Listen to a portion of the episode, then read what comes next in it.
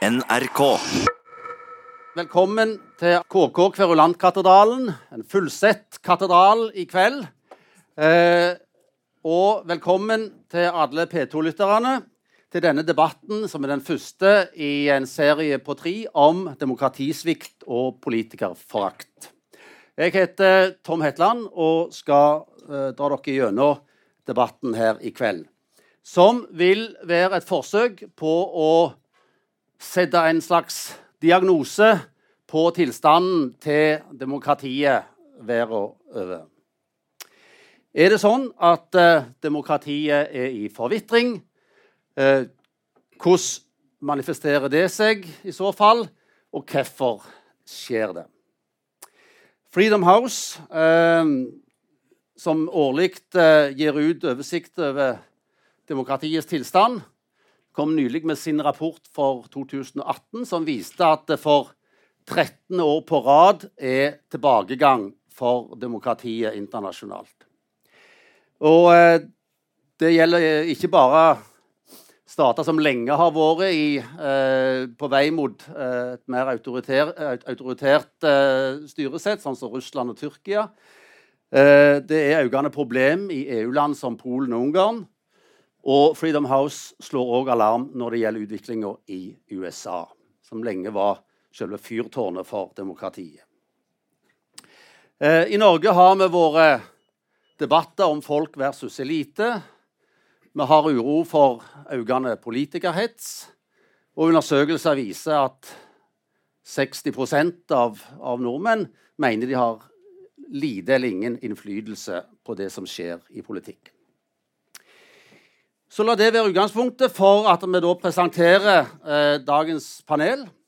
Det er professor i politisk økonomi Bent Sofus Tranøy. Så er det Bård Larsen, som er historiker i Civita og nettopp har gitt ut ei bok som med tittelen 'Demokrati i trøbbel'. Og Svein Tuastad, førsteamanuensis i statsvitenskap på Universitetet i Stavanger.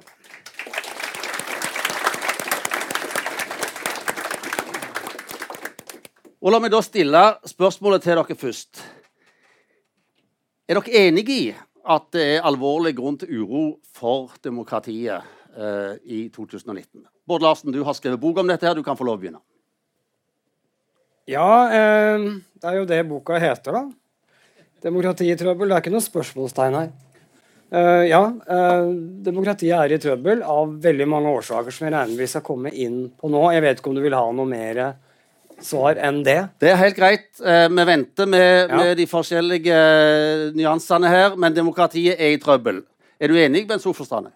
Ja. Jeg kan bare få si først Gratulerer med at jeg har så mange mennesker som kommer og hører på dette. her. Det synes jeg er veldig fint. Kan jeg bare gå rett på liksom sjokk ja. og være veldig personlig? Ja. Fordi at, og så tar vi argumentene etterpå. Men altså, jeg har Eh, jeg har lenge gått rundt og tenkt at jeg hadde en sånn permanent midtlivskrise fordi at jeg syntes det var så mye jeg, i slutten av midtlivet. Men det er så mye som er gærent. Eh, og så samtidig så er det liksom et personlighetstrekk, lurte jeg på. Og så ble jeg, ble, altså Det er bare meg det er noe galt med. Og så ble jeg enkemann for noen år siden, og da sa mine beste venner til meg at dette klarer du, for du har grunnleggende lyst sinn. Og det sa de som kjenner meg aller best. Altså mine aller nærmeste mannlige venner. Eh, men jeg se meg rundt, og jeg syns det er veldig mye å være urolig over. Kanskje bare én liten formidlende ting. at Jeg er sikker på at folk har sagt det mange ganger før. I andre perioder. Men jeg synes det er et eller annet, jeg har følelsen at det er noe som er kvalitativt og kanskje også kvantitativt annerledes nå. Og det håper jeg liksom å utforske sammen med, med, dere, da, om vi kan være enige om det. Ja vel. Svein Tuastad, to pessimister her. Hvor står du? Du er vel, Når du spør om liksom, demokratiet er i krise, da vil jeg svare nei. Uh, og, og, det er to grunner til det. Den ene er at det, det er veldig viktig å skille mellom de her uh, vel, svært robuste demokratiene som vi har i Nord-Europa. Bl.a. I, altså i England, i Nederland, i Tyskland, i Skandinavia. Og de som ikke er det. Så der, eh, altså Nå er det en sånn motbølge i demokratiforskningen. Men det er litt fordi at det, altså, man, det var litt sånn der drømmesyn på alle de der tulledemokratiene. Uh, altså, for, altså, uh, Afrikanske land, asiatiske land liksom blir mer demokratiske, men det var jo aldri demokrati, egentlig. Så dette, altså, Vi kunne ikke ha venta at de skulle være demokratiske, disse landene? Nei, jo, Man kunne vente det, egentlig, men det, men det var liksom litt det var, det var, Etter murens fall var det en sånn der uh, utrolig naivitet om, om, tingenes tilstand. Så det er den ene grunnen. Man må skille mellom de ekte demokratiene og tulledemokratiene. Det andre er jo òg at vi må, må på en måte altså, Demokrati er en litt sånn floskel. Eh, men det kan vi komme tilbake til. Fordi at i, i, det, I veldig mange land så handler det egentlig om å overleve en fødsel. Det handler egentlig ikke om å stemme. Mm. Og, og, der går det oppover. Men jeg, jeg, jeg, jeg stiller deg et oppfølgingsspørsmål likevel. For det at På 90-tallet så var det jo en veldig optimisme. Uh, en trodde jo at demokratiet så å si av egen kraft mm. skulle, skulle breie seg ut til land etter land, spesielt etter murens fall. Mm. Og dette sier du nå er en illusjon. Ja, men, men, betyr ikke det at, at, at uh, trua på demokrati i seg sjøl var, var, en illusjon, da? Ja, men, men altså, poenget Det er veldig viktig å skille mellom uh, land og borgere der, der, man liksom vil ha demokrati fordi det er en livsform. Fordi at man liksom uh, er vant med det å skulle ha medbestemmelse det er noe som man egentlig bare tenker seg at det, det går ikke an å, ikke, å, være uten det. Det er en del av liksom oss og vårt samfunn og vår, hele vår mentalitet. Og sånn er det her. Men i, veldig mange andre land, hvis du spør liksom folk og så spør du for om Hva hvis det kom en sterk leder som dreit i demokratiet, men som gjorde at du fikk mye mer eh, penger i potten? Var du demokrat da? Altså Da sier folk Nei, da vil jeg heller følge han. Sant? Og veldig, altså, veldig, mange av de landene som scora høyt på demokratiindeksene, de var sånn. Så, så det, det, det, er noe som i statsvitenskapen kalles for sånn eh, kongruenshypotesen. Sånn? Og det er litt sånn at eh, folk får litt det styresettet de fortjener, egentlig. Så vi må liksom se litt under. brutalt sagt. Eh, Bård Larsen, hva bygger du din pessimisme på? Eh, rekke, en rekke ting. Eh, er, altså, Svein er jo inne på det litt her. Um, altså, det vi kaller for liberalt demokrati i dag, er jo egentlig et ganske pessimistisk prosjekt. I den forstand at den uh, har som utgangspunkt at makt korrumperer. Derfor må vi fordele makten og hindre F.eks. de amerikanske grunnlovsfedrene ville hindre tyrannen å bli president. og ja, Vi kan jo gjøre oss noen tanker om det. Men, men, hele det liberale samfunnet er jo på en måte også avhengig av oppslutning om de politiske institusjonene. At det, er, at det, er, en slags enighet om det liberale prosjektet. Da snakker vi om liberalt i veldig vid forstand, ikke sånn John Stuart Mill-liberalisme, men, men, et veldig sånn hvitt uh, sentrum, stort sentrums for moderat forhold til politikk, hvor ikke det er noe mål. altså Staten har ikke noe politisk mål i seg selv. Det er naturlig at det er utskiftning av makt osv. Men det er jo helt avhengig av at vi ikke har politikere eller, eller, et flertall i parlamentene som går inn for å demontere dette her bolverket mot, mot uh, maktovergrep og, og, korrupsjon av makt. Og det er klart, altså, Hvis vi sitter igjen med, med, politiske krefter som får flertall i parlamentene, som har som mål å bygge ned disse institusjonene, så er det klart de kan gjøre det. Og det gjør det også. Uh, og det er klart at det er en veldig stor forskjell på Øst-Europa og, og, de nye demokratiene i øst, som, som nå faller tilbake, og, og, og Vesten uh, som sådan. Men, men uh, det er ingen naturlov som sier at man ikke kan endre på det politiske systemet som finnes i et land. Heller ikke liberaldemokrati. Hva er det da som har skjedd, skjedd, i de siste årene som gjør at, at slike krefter plutselig får vind i seilet? Hvorfor de i ja, seilet? Ja. ja, det er jo det jeg skriver litt om, eller mye om. Eh, kanskje altfor mye. Jeg tror jo ikke det er én, forklaring her. Altså Etter Trump vant valget, så ville jo alle ha en bit av Trump. Alle ville ha en bit av sin forklaring på hvorfor Trump kom til. ikke sant? Altså, man, man utnytter lite grann dette, dette dramaet da, til, å, til å, å ri noen, eh, noen, kjepphester eller noen tanker om hvorfor dette skjedde. Men jeg tror kanskje at store historiske endringer kan være litt shit happens også. Altså at det er mange ting som skjer på én gang. Og en del av dem er rett og slett ikke så lett å måle uh, med grafer og, og, statistikk. Det kan ha med sånne enkle ting som at vi har vi har alltid hatt en konflikt mellom det progressive og det, det, det tradisjonelle. Det er ikke noe nytt i europeisk historie. Det har ført til eh, enorme konflikter og kriger, verdenskrig. Og så har det vært veldig stille en stund. fordi at i dette her liberale demokratiet så har vi en form for enighet om at gamle verdier og nye verdier, det progressive, det tradisjonelle, skal kunne på en måte kombineres i et sånt liberalt demokrati. Dette har vært hele tanken bak mye av dette. Og det er, er i ferd med å å gå litt i oppløsning. Jeg tror veldig mye av det vi ser nå, er rett og slett en kulturkonflikt. og det, Du kan gi det mange navn, men du kan også kalle det en kulturkonflikt mellom det tradisjonelle og det veldig utålmodige progressive. Og dette har fått en form gjennom digitale og sosiale medier som eskalerer voldsomt fordi at vi mennesker posisjonerer oss ekstremt. Det er på en måte litt sånn eh, den flokkmentaliteten som preger mennesker. da. Så kommer tilbake til det. Bent Sofe Stranøy, eh, hva tror du er, er, de viktigste grunnene til at eh, demokratiet er i trøbbel? Ja, er, den lista er veldig lang for meg også. Men eh, for å si det, jeg er enig i alt. Jeg sa de viktigste. Ja, hva sa du? Jeg sa de viktigste, ja, okay, bare fatt Hvis jeg kan uh, altså Jeg er ikke uenig i noe av det Bård sa, men jeg, vektlegger noe annet. Kanskje snu litt på det Svein sa. For jeg tenker at altså, hvis du har hvis vi går til våre gamle, ganske solide demokratier, da, eh, og så spør du om altså, hva, skal til, altså, eh, hva skal til for at du vil bytte bort demokrati, istedenfor å spørre vil du ha demokrati heller, så tror jeg den formen for uthuling av, eh, av arbeiderklassens livsvilkår, som du ser i ganske mange, ganske mange rike land, så gjennom utflytting av arbeidsplasser, eh, gjennom en eksploderende ulikhet, i særlig i engelsktalende land, så er det ikke Altså, det, er sånn du, det er ikke en enkel, så Jeg er ikke uenig med noe av det Bård sier. Altså, på den måten Det er ikke noen enkel pil som går derfra rett til Trump eller rett til brexit. eller noe sånt, Men det er en fasiliterende, det er noe som legger til rette for uh, at andre utviklingstrekk forskjellige høyre uh, og i og for seg venstrevridde demagoger kan få uh, mer fruktbar jord å, å plante sine frø i, hvis det går an å si det på den måten. og det er ganske, det er ganske dramatisk. Det, altså, amerikanske middelklassen har ikke hatt realinntektsvekst siden midten av 70-tallet. Alt har gått i den ene prosenten, og du ser at politikken er fullstendig penetrert. og du ser at Finanskrisen blir taklet på en måte hvor bankene reddes. I 2009 og 2010 så betalte de bonuser ut til medarbeiderne sine, mens folk drev og mista hjemmene sine og sånn. Altså jeg, jeg, har ikke så mange venner i USA, men jeg har et par stykker. Jeg liksom ser den der, helt sånn vanlige, oppriktige Altså, skikkelig, altså Sånne mennesker som demokratiet tradisjonelt bygger på, da, bare sitter og hva faen er det som er gærent med det landet her? Uh, og da, da, kanskje noen av de litt mindre reflekterte og mer fortvilte, de, de blir da lettere offer for en, den form for demagogi som, som, som, Trump står for. Og det er jo altså Ja. Nei.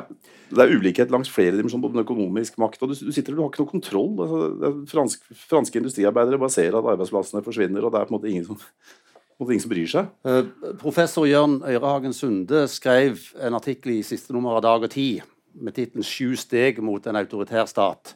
Og Der sier han at det første steg det er at det, store grupper i et samfunn føler seg som tapere, enten økonomisk eller kulturelt. Er dere enige i at, at det er første forutsetning for, for at demokratiet skal få, få problemer? Ja. Altså, Jeg leste den artikkelen. Altså, den var elegant, den. Men uh, jeg tror jo at uh, akkurat det første punktet der med, med veldig mange tapere altså det Tyrkia, altså Erdogan Jeg vet ikke om du kan forklare Russland, altså Russland altså, jeg vet ikke om det er sånn, altså, det, vet ikke om det er det som egentlig er den gode forklaringen. Den, den, viktige forklaringen er kanskje heller hva er det, altså skjer det vel, Hvis det skjer veldig dramatiske økonomisk tilbakegang hvor sterke er de institusjonene som du nevner da? Hvordan er den politiske kulturen da? Altså Den formelen mellom på den ene sida demokrat, altså grunnleggende demokratiske holdninger og uh, institusjoner. Altså, hvor, for det er liksom formelen for robuste demokrati. Vi, vi, har begge deler. USA har veldig sterke institusjoner òg. De har ikke så gode sånn underliggende demokratiske holdninger, men de har veldig sterke, sterke institusjoner, egentlig. Så, så, så og et veldig godt eh, Bare for å si eh, si det mens jeg har ordet eh, Et veldig godt eksempel på hva som skjer når vi får brå økonomiske tilbakeslag det er jo altså Det, det klassiske eksempelet er jo uh, Nazi-Tyskland, som, som Bård vet uh, enda mer om. Sant? Altså, Hitler er en tulling, helt marginalisert sert i slutten av 20-åra. Så skjer tilbakeslag. Og så på en måte plutselig så kan nazistene mobilisere noe helt dramatisk. Så mellom hit, eh, nazistene 2% og de er 30 er et økonomisk tilbakeslag. Et, et, annet eksempel det er på en måte altså hva er for, Hvis du ser, ser på Hellas og tilliten til institusjonene, at, at grekerne er veldig demokratiske, så ser vi liksom i, i 2007 så, så er det på tredjeplass på topp, toppen av lista når det gjelder å ha tillit til EU, tillit til demokrati, tillit til, til, til det nasjonale demokratiet. Så går det liksom seks-sju eh, år, og, så, og når jeg liksom slår opp og ser på tillitsbarometrene, da er de helt på bånn. Og, og, hva som har skjedd i mellomtida? Jo, at det har skjedd et dramatisk økonomisk eh, tilbakeslag. selvfølgelig. Så da er liksom tida inne for eh, demagogene, da er tida inne for pløypartiene. Da, da er det liksom populismene eh, sin tid. Og det er da liksom denne reformen, Så har vi institusjoner, har vi underliggende eh, gode demokratiske holdninger. Bård Larsen, økonomisk tilbakeslag, forklarer det eh, ja, altså det, det, er vel ingen, i hvert fall ikke i historikermiljøene, som vil være uenig i, i det veldig viktige aspektet. Men, men uh, det er jo også et, litt paradoksalt at det ikke det ligger noe større gevinst for venstresiden i eh, det økonomiske tilbakeslaget, hvis det skulle være hovedmotoren. Uh, og Det er også tall som viser at uh, og, Vi kan også gå til Weimar-tiden og se hvem, altså hvor, hvor, demagogiske ideer fikk sin oppslutning osv. Så videre. så, sånn at uh, det, er, det, det, er, ikke noen entydige tall, i hvert fall hvis vi går til USA, for eksempel, hvem som stemte på Trump. Det var veldig populært å, å si en stund at dette var liksom den fattige hvite mannen. Og så, så, var det tall som nyanserte det, at dette var slett ikke så enkelt. Og i og med at heller ikke venstresiden kan håve inn på disse krisene, så kan det jo tenkes at det er andre ting. Og så er du inne i høna og egget-diskusjonen, selvfølgelig. Hva, hva, er det egentlig som er opprinnelsen til hva? Men det kan jo også tenkes at uh, det som uh, en del uh, snakker om, altså at dette er en, en slags reaksjon på globalisering, på, på, nasjonalstater og uro over nasjonalstatens framtid og sånn, så tror jeg det er en mye større fellesnevner, i og med at det meste av det vi er bekymra for nå, tross alt ikke er Rødt, liksom, eller, eller Corbyn, men det er, det er høyrepopulistiske bevegelser. Og det en igjen kan se for seg, er at de som eventuelt vil gjøre suksess i framtida, er, er dette, denne ene delen av venstresiden, som jeg tror Klassekampen representerer litt nå, det er å, opp, å få en altså frigjøre seg fra identitetspolitikken som dominerer veldig på deler av venstresiden, over i en litt sånn innvandringskritisk venstreside som også har en nasjonal forankring. Det kan være, og, og, dette tror jeg på en måte blir veldig spennende å se på etter hvert. For jeg tror også sosialdemokratiet, som er så mye i krise, det er flere forklaringer på det. Men en av dem er at de ikke klarer å absorbere det at veldig mange av deres velgergrunnlag også har nasjonalistiske ideer i en eller annen forstand, som ikke behøver å være altså, helt brunt, ikke sant? men som er skepsis til masseinnvandring, bl.a. Mm. Uh, Tuastad og så Tranøy. Men, men, men, men, vi må skille mellom liksom hva som er grunnene til oppslutningen om populismen, og hva som er egentlig mer fundamentale trusler mot demokratiet som styreform. Mm. Og, og dette, du, du, eh, jeg er helt enig med deg når det gjelder oppslutning om populismen. De, de forklaringene som du har egentlig, Men jeg tror at i de robuste demokratiene da skal det mer til enn eh, globaliseringsmotstand og opplevelse av at det skjer noe skummelt som vi ikke har helt tak på. Da må det eh, kraftige økonomiske eh, kriser til der liksom store grupper blir stående uh, utenfor. Det, ja. Uh, Tranøy, uh, har du en god forklaring på hvorfor ikke venstresida uh, er den som vinner på, på den økonomiske krisen? Du hoppa over meg i forrige runde. Jeg kan bare ta et par punkter som er ja, men svar, ja, men svar på dette først. For det, nå, nå har vi det. Ja, nei, så, ja, ja, det kan godt gå rett løs på det. Um, jeg tror at Altså, da kan vi bare bli det historiske et øyeblikk. Altså, Hitler fikk ikke oppslutning under hyperinflasjonen i Tyskland, men han fikk oppslutning under austerity knallhard sparepolitikk. Eh, og det er den samme, har tyskerne påført grekerne den samme typen knallhard sparepolitikk. Og da ser vi at, at høyrepopulister vinner fram. Og hvorfor, altså Så lenge du har sosial... Altså, hun Helle Thorning-Smith, hun er Gucci-sosialdemokraten fra Danmark, hun kom jo hjem fra en av de der, jeg husker ikke om det var sixpack eller altså en av disse paktene som EU holdt på hvor de feira sin egen vilje til å, å spare på, på den unge generasjons bekostning, og sa at orden i statsfinansene har alltid vært liksom, sosialdemokratisk heders. Altså, så lenge de holder på sånn, Eh, så kan de ikke regne med å altså Du får jo ikke noe ut av en økonomisk krise når du løper rundt og sier at det ansvarlige er å ikke bruke penger og sende 50% av ungdommen i andre land ut i arbeidsledighet. Eh, sånn at Du må jo ha et program faktisk for dem som rammes. Eh, og det er hvorfor sosialdemokratiet har blitt jeg vil si intellektuelt og moralsk korrumpert liksom i forhold til arbeidsledighet og økonomisk styring og sånn. Det er en lang historie som jeg ikke klarer å, å helt gjøre rede for. Men jeg, jeg har en avdød, avdød venn, Ingald Urbæk Sørheim, som hadde vært i Arbeiderpartiet i alle år fram til han døde i, da han var et par og 70. Altfor tidlig. Eh, han pleide å si det at den der eliten som er i Arbeiderpartiet nå, de er alltid på vei et sted. Er, de er der en stund, og så skal de videre til First House eller skal, de statssekretær, og så skal de hjelpe eh, Equinor, det heter det.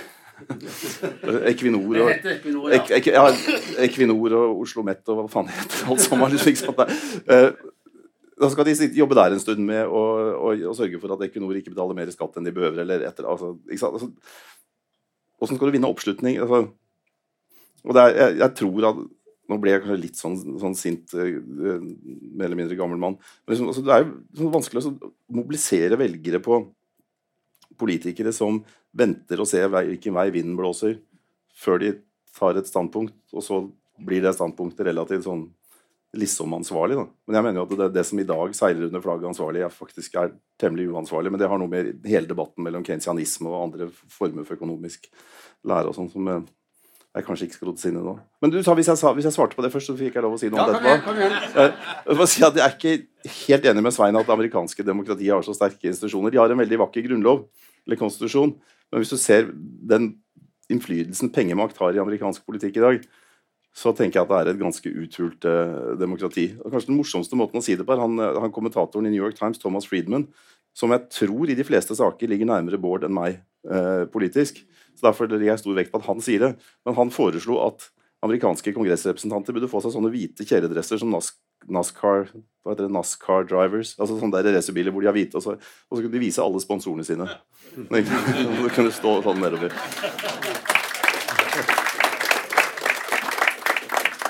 Svein?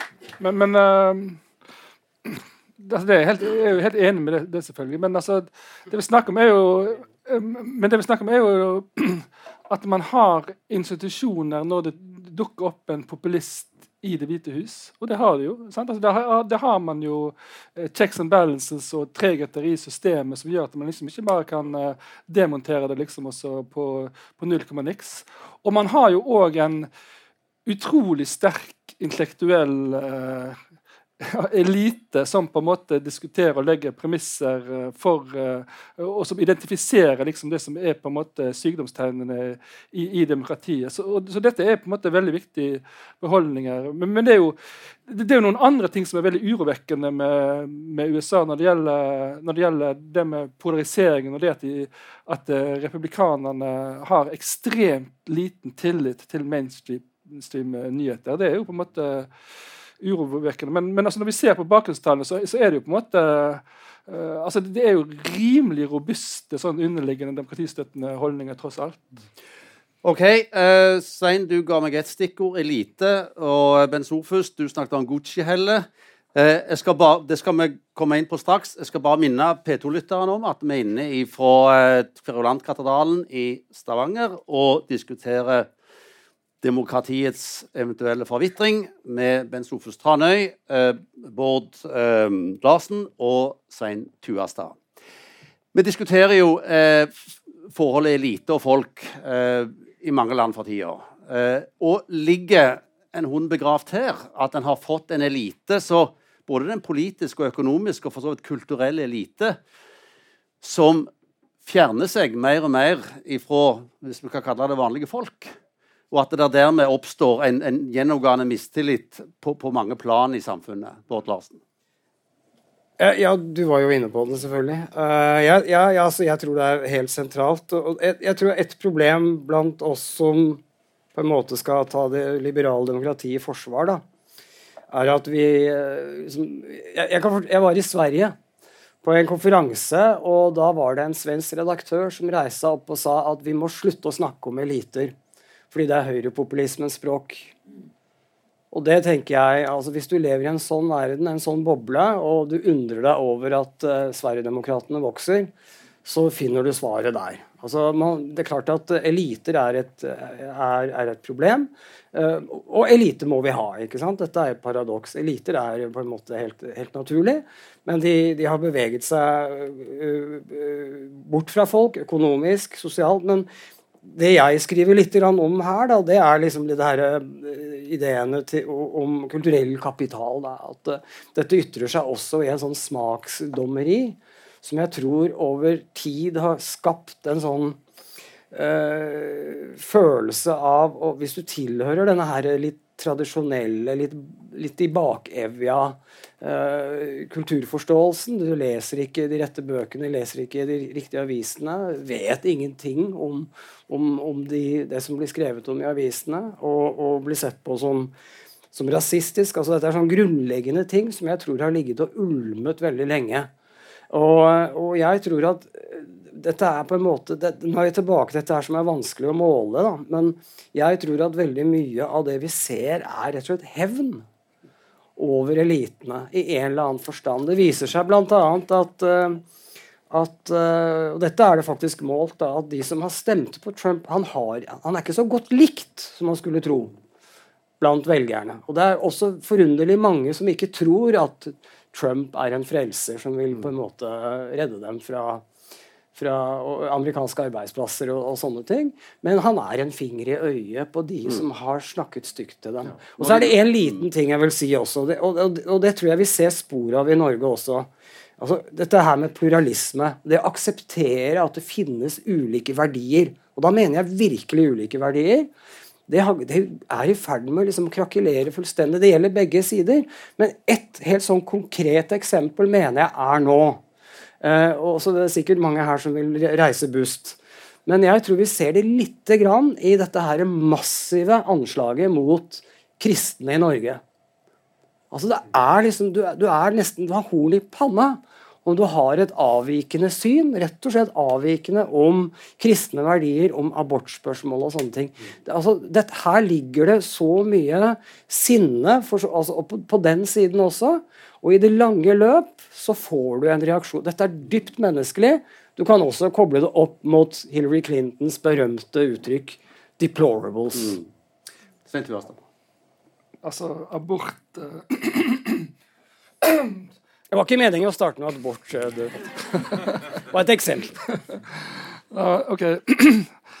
Men uh, nei, fordi at uh, det skulle egentlig bare Det syns jeg egentlig er et bra tegning at uh, kvinner og menn i Norge reagerer når, de begynner, når et 4 %-parti begynner liksom å tykle med abortloven. Det syns jeg bare, egentlig bare er et demokratisk bra.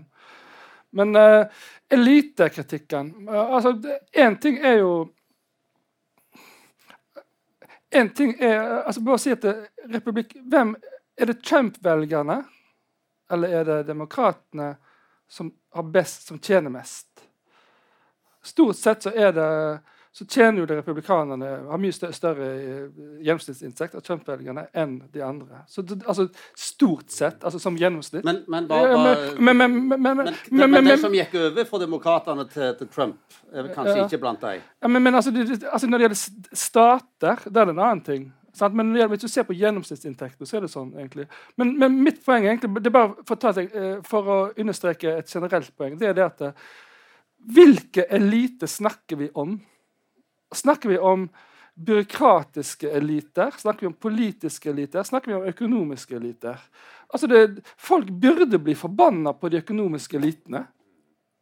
Men så er man på en måte, men så, man, men så stoler man ikke på byråkrat, byråkratiske elitene og politiske elitene. Hvis vi ser det norske samfunnet, altså ser på i denne byen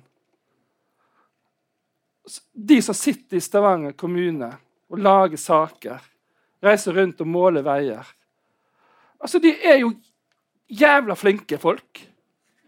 Og Hvis vi ser på de politikerne i Norge, på de partilederne ja, Jeg skulle liksom gjerne stått i heisen med hver og en av dem. Kanskje unntatt ja, skal ikke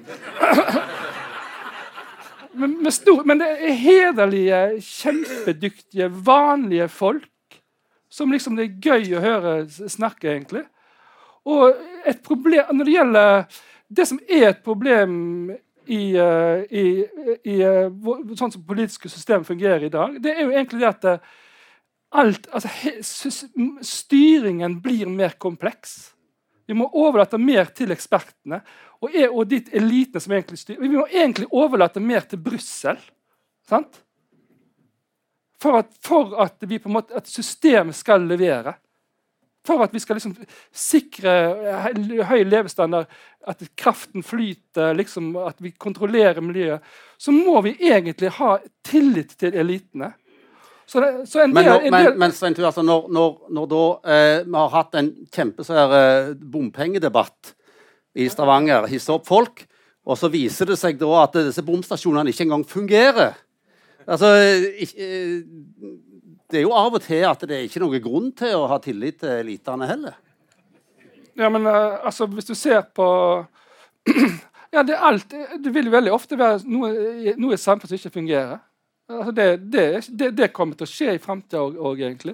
Men, det gjelder, men det bompeng, jeg syns det mest interessante med bompengeopprøret, det er jo at uh, ordføreren sier liksom at hun, uh, hun er ikke redd hets. Men akkurat når det gjelder bompengesaken, er hun begynt egentlig å uttale seg mye mer forsiktig. Altså det er en sånn, Der har det skjedd noe i politikken.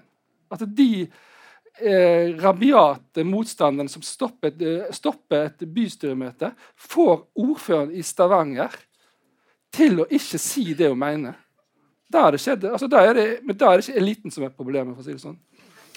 Eh, Tranøy, eh, folk burde ha grunn til å være sinte på den økonomiske eliten, men eh, tar det kanskje i stedet ut den, mot den, den, kulturelle eliten eller mot byråkratene. Hva slags mekanisme er det som er i sving? Ja, den som hadde skjønt det. Altså, jeg spiser jo granateple og blinis og sånne ting, så det er jo sannsynligvis et hatobjekt hvis det kommer ut.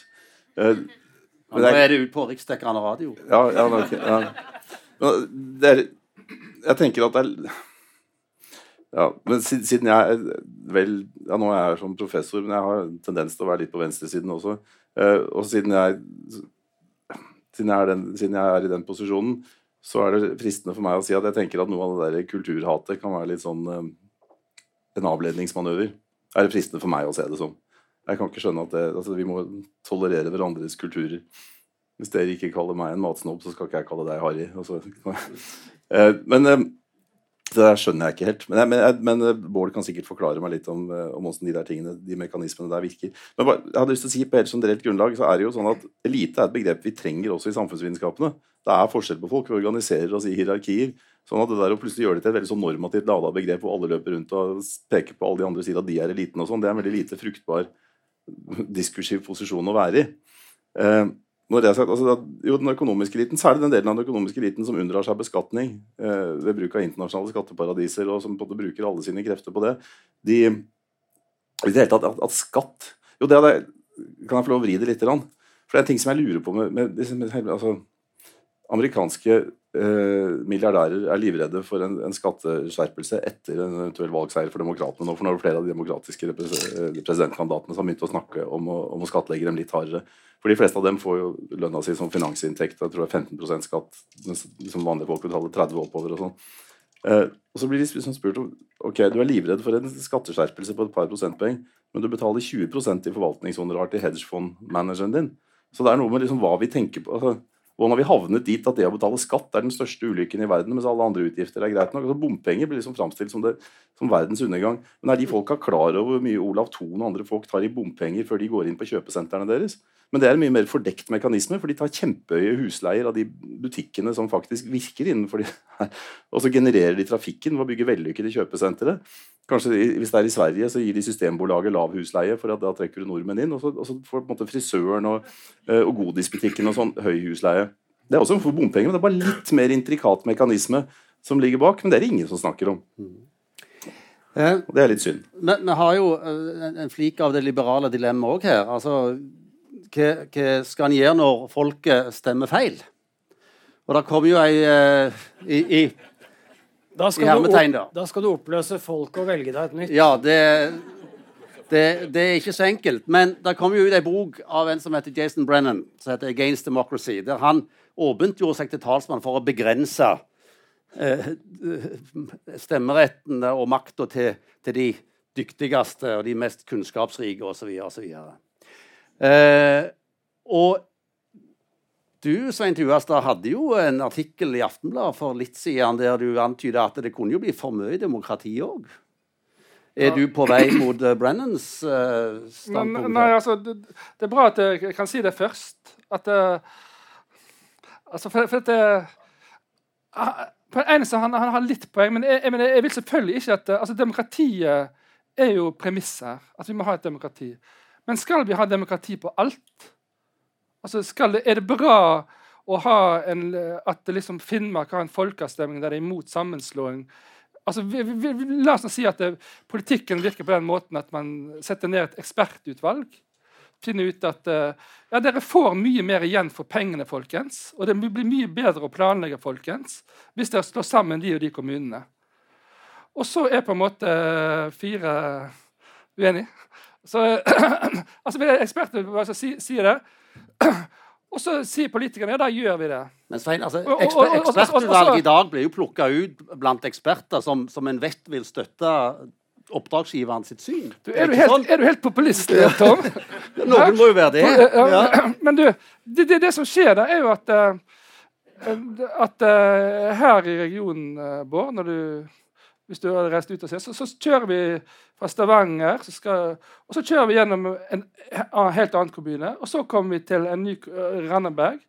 Så kommer vi til Rennesøy, som er med i vår kommune. Så kommer vi til Finne, som er med i vår kommune. Tilbake igjen, og så kommer vi Og så er det en liten sånn der uh, Folkeavstemning har bestemt at midt inni der skal det, er det noen som liksom ikke skal være med i kommunen. Altså, Det er jo helt irrasjonelt. Det er helt sånn Hvordan kommer man på altså, det, altså, så, så det er noe med at eh, f- eh, demokrati er bra, men ikke hele tida. Det kan og, og, Så, så dette, dette er et eksempel på, på at folk ikke vet sitt, sitt eget beste.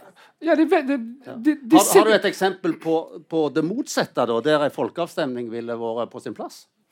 Ja, altså, jeg mener jo altså Sånn som brexit. Sant? Brexit det var jo et eksempel på og der man eh, altså Vi var jo eh, Jeg er jo med i eh, Europabevegelsen. Det eneste organisasjonen jeg er med som politisk. egentlig. Vi, vi var snakket med, sammen med å intervjue alle de her brexit-folkene. Og, og, og snakket med dem egentlig. Og, og, det som de sa, var at, at det var jo delvis var det direkte løgner som førte til altså Man trodde liksom at det, at det kom enorme mengder innvandrere, og at liksom at man be, be, slapp å betale og gode greier. Så Det var jo eh, egentlig falskt. Men, men det er jo klart at man må jo ha en avstemning. Altså, om, altså man, Folket må jo tross alt få bestemme. Det er jo OK, Tanøy. Eh, bare til brexit. Altså, der der kjørte jo hva heter det, Levers en del absurde tall om hva, hvilke liksom, direkte økonomiske gevinsten av å melde seg ut. og sånn, så Det er veldig synd at en valgkamp altså, eller Se se på området rundt Sunderland, hvor de nå mister er det produksjonen av Honda Civic eller, eller hva det er, Honda CRV. Og sånn, så, nesten alle stemte mot. Altså stemte for å, å forlate EU. Og nå sitter de og sier Honda OK.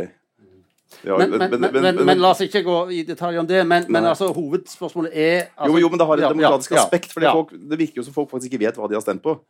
De har ikke klart å kalkulere konsekvensene for sin egen region av sin egen beslutning. Og det, det er en veldig trist ting. men, si. men Altså, er, ikke det, er ikke det alltid et, et problem med demokratiet? Ja, At, det, at de som stemmer, tenker, stemmer, vil ikke alltid vite hva de Nei, men En av grunnene til at jeg er pessimistisk, er at jeg, at jeg føler at den skruen der har gjort noen omdreininger i det siste. At, at vi er dårligere opplyst. Det er det veldig mange mekanismer som bidrar til. En av dem er dårlig representativitet. Så for å gå tilbake til elitespørsmålet. At vi har eliter som i dag vet Det er større avstand mellom, eh, mellom de som tar beslutningene, og de de tar dem på vegne av, enn det var før. Innbiller jeg meg. Uh, selv om altså, altså Martin Tranmæl og Einar Gerhardsen og, og Håkon Lie og sånn, de utgjorde en elite, men de hadde på en eller annen måte opplevelse at de hadde større fornemmelse av hva, hva som beveget seg ute blant folk, enn dagens. Uh, ja, nå, nå mistet jeg, mistet jeg tråden, så er det best at jeg gir fra meg ordet. Ja, Bård Larsen. Ja, altså dette med eliter og falsk bevissthet er en gammel uh, marxistisk doktrine også. Uh, og Uh, når Lenin, uh, altså Lenins prosjekt var jo å hamre sosialismen inn i hodene på den dumme arbeiderklassen, for å si det veldig stygt. Det var jo et eliteprosjekt, så dette er ikke noe nytt. Uh, men, men jeg bare tenkte på én ting, og det er at når dere nevner brexit altså Hvis vi skal diskutere dette Brennan, var det ikke han du refererte til? Det er jo veldig marginale ideer han kommer med. Det er sånn libertariansk, han har forlest seg på Ayn Rand og sånn. Eh, men dette er ikke tanker som har noe særlig, særlig gjennomslag. Kan de få det? Nei, det tror jeg ikke. Men, men, men, men, men eh, Et flertall av amerikanerne mener jo at ekspertstyret er bra. Ja, Det er en annen diskusjon. Da har vi over i Ottar Brox og ekspertveldet. Det er en gammel diskusjon. Men det har ikke noe med Brennan å gjøre. Men, men, men, etter brexit så sa jo da Nigel Farage at the real people har snakket, talt. Det er her jeg tror vi er inne i noe interessant når vi snakker om om demokrati. Altså the real people var da de 50,5% Hvor mange var det? To, mange, hvor mye var det brexit? Ja, ja, det var sånn 51,9. Ja, typisk sånn folkeavstemningsresultat. Det er som regel half-half. ikke sant? Kjenner vi fra Norge og sånn. Men de som hadde stemt for brexit, det var the real people. Og her er vi på en måte ved litt av essensen av denne populistiske ideen om hva demokrati er. Og I motsetning til liberalt demokrati med maktfordeling og pluralisme. Og det vi, altså dette her med hva, hva, Hvordan er bevisstheten rundt hva demokrati er? Og hva slags forsvarsmur er det ute blant f.eks. unge mennesker? Når de, og, se forskjellen på det vi kan kalle for et majoritetstyranni, eller, eller et illiberalt demokrati, og et pluralistisk liberalt demokrati. For hvis du går ut og spør på gata så Dette gjelder ikke bare unge mennesker. Jeg, jeg er ganske sikker på Hvis du går ut på gata, så vil mer enn halvparten svare på spørsmålet hva er demokrati? at flertallet bestemmer. Og det er jo på en måte det som er det intuitive demokratiet. Altså Det demokratiet som virker mest naturlig, er at flertallet bestemmer. Sånn er det når du skal på klassetur og skal vi til Røyken eller skal vi til Moss. ikke sant? Så bestemmer flertallet i borettslaget og sånne ting. Det er jo helt innlysende at det er det som er fundamentalt demokrati. Og Hvis det er demokratikunnskapen i en tid som er turbulent, hvor liksom frontene er så sterke og man ikke klarer å finne noe felles grunn, så er jo dette her noe man kan diskutere. altså Hvilke typer demokrati er det egentlig europeerne på, på sikt ønsker seg, eller tror at de ønsker seg? da? For, forskjell på at uh, flertallet bestemmer, at vinneren tar alt. Nettopp. Ja. Eh, Tanøy? Ja, eh, siden vi er på riksdekkende radio, så tror jeg at jeg mente Nissan i stedet jeg sa Honda. Eh, men eh, det er vel sin natur nødt til å bli en springende diskusjon der. Jeg hadde lyst til å si noe om ekspertstyret. Jeg syns programleder har et godt poeng når han sier det der med, med håndplukking av hvem som får sitte der. Men det er ganske stor forskjell på si, hvor robuste faglige konklusjoner man kan trekke innenfor ulike fag. Altså Den kunnskapen eh, medisinske forskere etter hvert bygget opp omkring sammenhengen mellom lungekreft og røyking og sånn, det, liksom, det, ser ikke noe vesentlig grunn til å tvile på den. og Sammen med en god del av den klimaforskningen som er. Uh, og Dessverre så er det for meg som samfunnsviter altså det er mye, mye naturvitenskap som virker relativt robust. Uh, og en god del samfunnsvitenskap som er ikke fordi vi er dummere, eller noe sånt, men fordi vi har en, en, på en måte en vanskeligere gjenstand å forholde oss til. En mer bevegelig gjenstand hvor ulike mekanismer kan kicke inn på Eh, altså Samme fenomen kan ha forskjellig forklaring forskjellige steder. og sånn. Eh, og da tenker jeg at den der lukkingen av det økonomiske kunnskapsfeltet, for eksempel, som den europeiske sentralbanken representerer, eh, den er hele da var jo tanken, altså demokrat, Demokratikritiske tanker kommer fort opp i økonomiske motgangstider. Det var mye demokratikritikk, og Nansen og sånn drev med det på, på 30-tallet i Norge. Og det dukket opp igjen i forbindelse med styringskrise på 70-tallet. Og, og teorier som ble formulert om at politikere bare vil bruke penger, være uansvarlige, de må binde seg til masten, vi må lage en sentralbank, og den forstår hvordan økonomien fungerer. Og økonomien fungerer sånn at hvis du bare regulerer renta, så går resten av seg selv. Eh, og så modellerte de ikke finansmarkedet. De så ikke på oppbygging av gjeldsnivå. Og det smalt noe så inn i granskauen i 2008. Og Det er jo da en, en institusjon som har, har, et såpass vanskelig språk og såpass vanskelig tilgjengelig faglighet at det har ikke kommet noen diskusjon og kritikk etterpå heller. Men han er i sambygdingen deres, han fra Finnøy, han tidligere sentralbanksjefen, så, ja, han skrev et par ting i 2006 om at vi har aldri levd i, omtrent i en bedre verden enn vi lever i i dag. Eh, fordi at nå er risiko plassert der hvor den tåles best, og der hvor appetitten for risiko er størst. og sånn. Og Han har jo bare durt jeg mener ikke at liksom skyte ned Svein Gjedrem, liksom. Men det, det er på en måte symptomatisk for eh, en veldig problematisk side ved ekspertstyret. At de blir jo, på, på fagspråket så bruker vi det engelske ordet 'accountable'. De blir jo aldri stilt til veggs for disse tinga, og de fortsetter. Og jeg har ganske personlige, harde erfaringer det. jeg satt i regjeringens finanskriseutvalg etter finanskrisen i, i 2008-2009, og det var en ganske skjellsettende erfaring. altså Se hvordan systemet lukker seg og, og skal forsvare det, det, bestående og ikke slippe til for mye kritikk. Ja. Men jeg tror det er noe sånn der, uh, prinsipielle uh, holdninger som vi som står her, egentlig har til demokrati og ekspertstyr, som vi kanskje mer enige, om enn det høres, høres ut nå. Og, og, Det ene som jeg da mener, det er det at det, det er ekstremt viktig at det, det, demokratiet har det siste ord. Altså Når jeg liksom sier at vi må stole litt mer på byråkratene og bygge litt institusjoner og Brussel og hva det er altså Folk må ha det siste ord. det er helt sånn der, altså Derfor tar Jason Brennan feil. For det, det er liksom, Ellers risikerer du uh, det, det som uh, Bengt Sofus sier, og, ja, og at man blir på en måte byråkratisk, uh, tyrannisk. Og at For at ekspertene altså Vi jobber på universitetet, og, og de, nå er de liksom skal vi fusjonere og gjøre sånn og sånn. Og sånn, sant? Og så viser det liksom noen tiår ja, det var ikke så smart likevel. og alt mulig. Sant? Så Man trenger på en måte ekspertise, motekspertise hele tida. Men når det er sagt altså, Helt sånn grunnleggende i demokratiteorien til han eh, viktigste demokratiforskeren de siste 50 årene, Robert Adal, det er jo liksom at det, for at demokratiet skal fungere, så må de som bestemmer, ha en eller annen type sånn opplyst forståelse. Altså opplyst forståelse.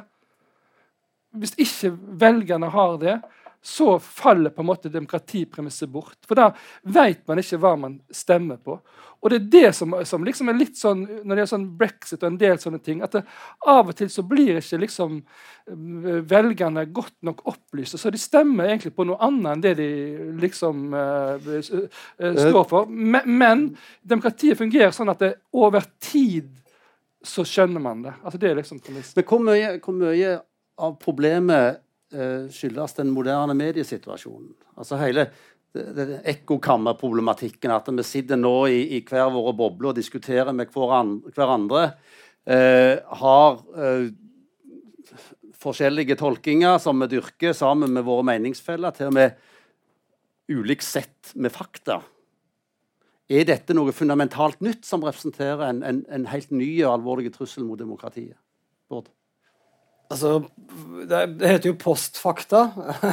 Nei, altså eh, Løgn og propaganda og, og, og, konspirasjonsteorier og sånn, selvfølgelig ikke nytt. Men eh, det er jo det, det, altså, det er som Sam Harris sa, altså, hvis det bare var halvparten eller en kvart del av dette her, så kunne vi håndtere det. Det er mengden. Uh, og, og, så er det også noe med at sosiale medier, det er ofte det vi snakker om, da det er i hvert fall der, der galskapen spres, og der hvor liksom konfliktene blåses opp til de helt utrolige dimensjoner, så har det Den appellerer jo til liksom ja, helt sånn grunnleggende menneskelige skavanker i oss. da. Altså Vi er veldig opp, vi er late, så vi liker å høre det vi på en måte mener fra før. Det, det er veldig fint. Og så liker vi å høre altså bekreftelse, gjerne litt sånn pompøst og hardt og, og nådeløst av det vi mener fra før, og de andre er dumme. Vi liker å, å, å, identifisere oss med grupper, og vi tenker i vaner. Altså det at vi på en måte har i sånne konkrete, så mange saker sånn forutsigbart at X kommer til å mene det, og Y kommer til å mene det. Og det er jo ikke noe samtale imellom her. og det, det, altså Dette her voldsomme omfanget. Og inn her kommer jo selvfølgelig alt dette med at det faktisk sitter folk og produserer falske nyheter på løpende bånd. Det er klart at dette er helt uhåndterlig. Det er jo ikke noen redigeringsmekanismer. Så er det en annen ting også som jeg tror er med på å styrke dette her. Da, når vi er over litt, litt sånn flytende landskap her. Da. Men det er også hvordan de vanlige mediene forholder seg til alt det som skjer på sosiale medier, det er blitt det vi kaller for klikkvoreri. Altså at man tar inn alle konflikter som skjer på sosiale medier inn i dagspressen, og lager det til store ting. Og du får liksom bare sånn herre massiv Det kalles for krenkomani, da. Og jeg tror det er destruktivt. Altså det, det, det, det, drypper over fra liksom sånne krangler om banaliteter over i noe større og mer uhåndterlig. Det ble jo sagt når disse her mediene kom at nå skulle virkelig den store samtalen begynne. Nå dette var Guds gave til demokratiet. Og så har vi fått en søppeldunk i, som bonus. Og det, det, det mener jeg er uh, Men, men uh, ja. Men meg og Bård er jo eksempel på akkurat det. Fordi at uh, for, for, noen år siden så, var jeg, så krangla vi liksom veldig på nettet og liksom veldig litt sånn sure og nesten for en, for en fyr, altså. Og så, og så sitter jeg her, og så er det jo en ganske hyggelig fyr, egentlig, sant? når du får en samtale. Og, og, og, det er litt egentlig det, der, det som er en sånn prinsipiell greie med nett, nettet òg. At, at, det skjer en veldig sånn fragmentering men, men, som egentlig ikke bygger opp om uh, den offentlige samtalen sånn som den egentlig uh, skulle. Og, det er det som på en måte uh, Nå er jo på en måte mediesituasjonen det vet jo du, Tom, i en overgangsfase med papiravisen som liksom synker. egentlig. Og, når, og, og, disse, og de siste valgkampene så er det litt sånn der altså Litt sånn urovekkende egentlig at man har ikke de der samme nasjonale debattene der det er mulighet til å korrigere feil egentlig. Og, og det, uh, sånn at det, eh, I det norske samfunnet det å opprettholde en felles samtale der vi, på en måte, der vi, der vi, er publikum, der vi ser på det samme, ser litt på de samme debattene, istedenfor liksom at noen aktører, partier, på en måte kan på en måte bare spy ut informasjon til si gruppe istedenfor liksom å måtte svare, det er kjempeviktig prinsipielt i demokratiet vårt. Ja, men kan vi komme tilbake til den paradisiske tilstanden? Ja, Farløy? altså, om han noen gang har eksistert? Nei, Minne om at vi hadde partipress i Norge fram til uh, midten av 70-tallet. eller noe sånt, sånn at vi har, har vel en form for ekkokammereffekt der også. Eh, men jeg er jo ikke uenig i noe av det verken Bård eller Svein har sagt. Men si det, er noe, det er et ansvar på toppen også. Eh, og Nå tenker jeg at nå snakker vi, nå er vi bekymrete ganske gamle menn som står der bekymra for demokratiet. Da har jeg ikke lyst til å har ikke lyst til å, si krenke Bård, men siden det er på en måte den siden han kommer fra, som har hatt makta de siste fem-seks seks åra, så er det veldig nærliggende å ta eksempler derfra. Men jeg kunne sikkert ha klart, klart fra andre siden også. Men jeg, jeg syns jeg har sett altså, at det er ikke Du kan si at bidraget fra toppen til et bedre ordskifte er ikke spesielt godt. Altså jeg mener at Det er et ganske systematisk mønster med, med, hva politikere stiller opp på. og Nå er det høyresiden som har makta og ansvaret, og hva de ikke stiller opp på ubehagelige saker, så ser du stadig oftere, syns jeg, at ikke de kommer i Dagsnytt 18 eller Sånn, og noe av det samme den der, altså den der debatten om formuesskatt. Altså, formuesskatt kan man jo være for eller imot, men den der påstanden om at det løser alle mulige problemer i økonomien, eh, som ble framført, oppfattet jeg som, som, på grensen til uhederlig. Og, og noe av det samme altså, når vi diskuterer privatisering og sånne altså, Slutt å framstille privatisering av velferd og sånn som at det er liksom den, den enkelte hjelpepleier som, som, ser at det offentlige ikke fungerer, og som starter altså hjertets godhet og sin kreative idealisme.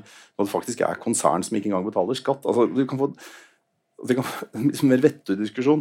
Men som sagt, dette, ikke, dette lyder som et rent sånn venstresideinnlegg. Men det er ikke sånn jeg ønsker det, for jeg er ganske sikker på at uh, at man kunne finne gode eksempler på at venstresiden holder på på samme måten. Men det er liksom disse forenklingene.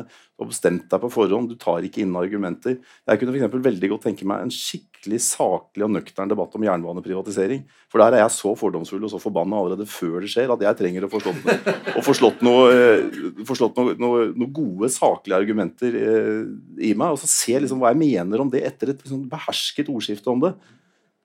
Men jeg i utgangspunktet ja. er litt kritisk. Det, eh det, det, er mange ting vi kunne diskutert. Jeg har bare lyst til å trekke det helt hjem uh, de siste par minutter her. Um, uh, Svein var for så vidt litt inne på dette med, med, når du snakket om kommunereformen. Men den, den reformen, hvis den hadde lykkes, da, så ville den ført til at vi ville sittet igjen med en tredjedel av de kommunestyrerepresentantene som vi har i dag. Og av de resterende så ville en større andel vært profesjonelle politikere. Eh, en dansk ordfører der de gjennomførte den samme reformen og faktisk fikk redusert med en tredel.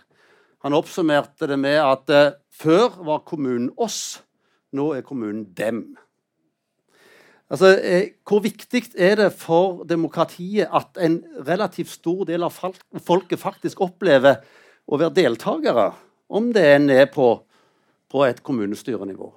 Svein Altså, Jeg er med i et sånt utvalg som gir premisser til når det gjelder trusler mot uh, demokrati og valgavvikling og sånn. egentlig. Og det som er uh, jeg tror jeg er veldig sånn uh, viktig innsikt der, det er at det, det beste vernet vårt mot når russerne prøver liksom å undergrave ting hele tida, eller hvem det er, det er å ha en befolkning som er veldig demokratisk kompetente.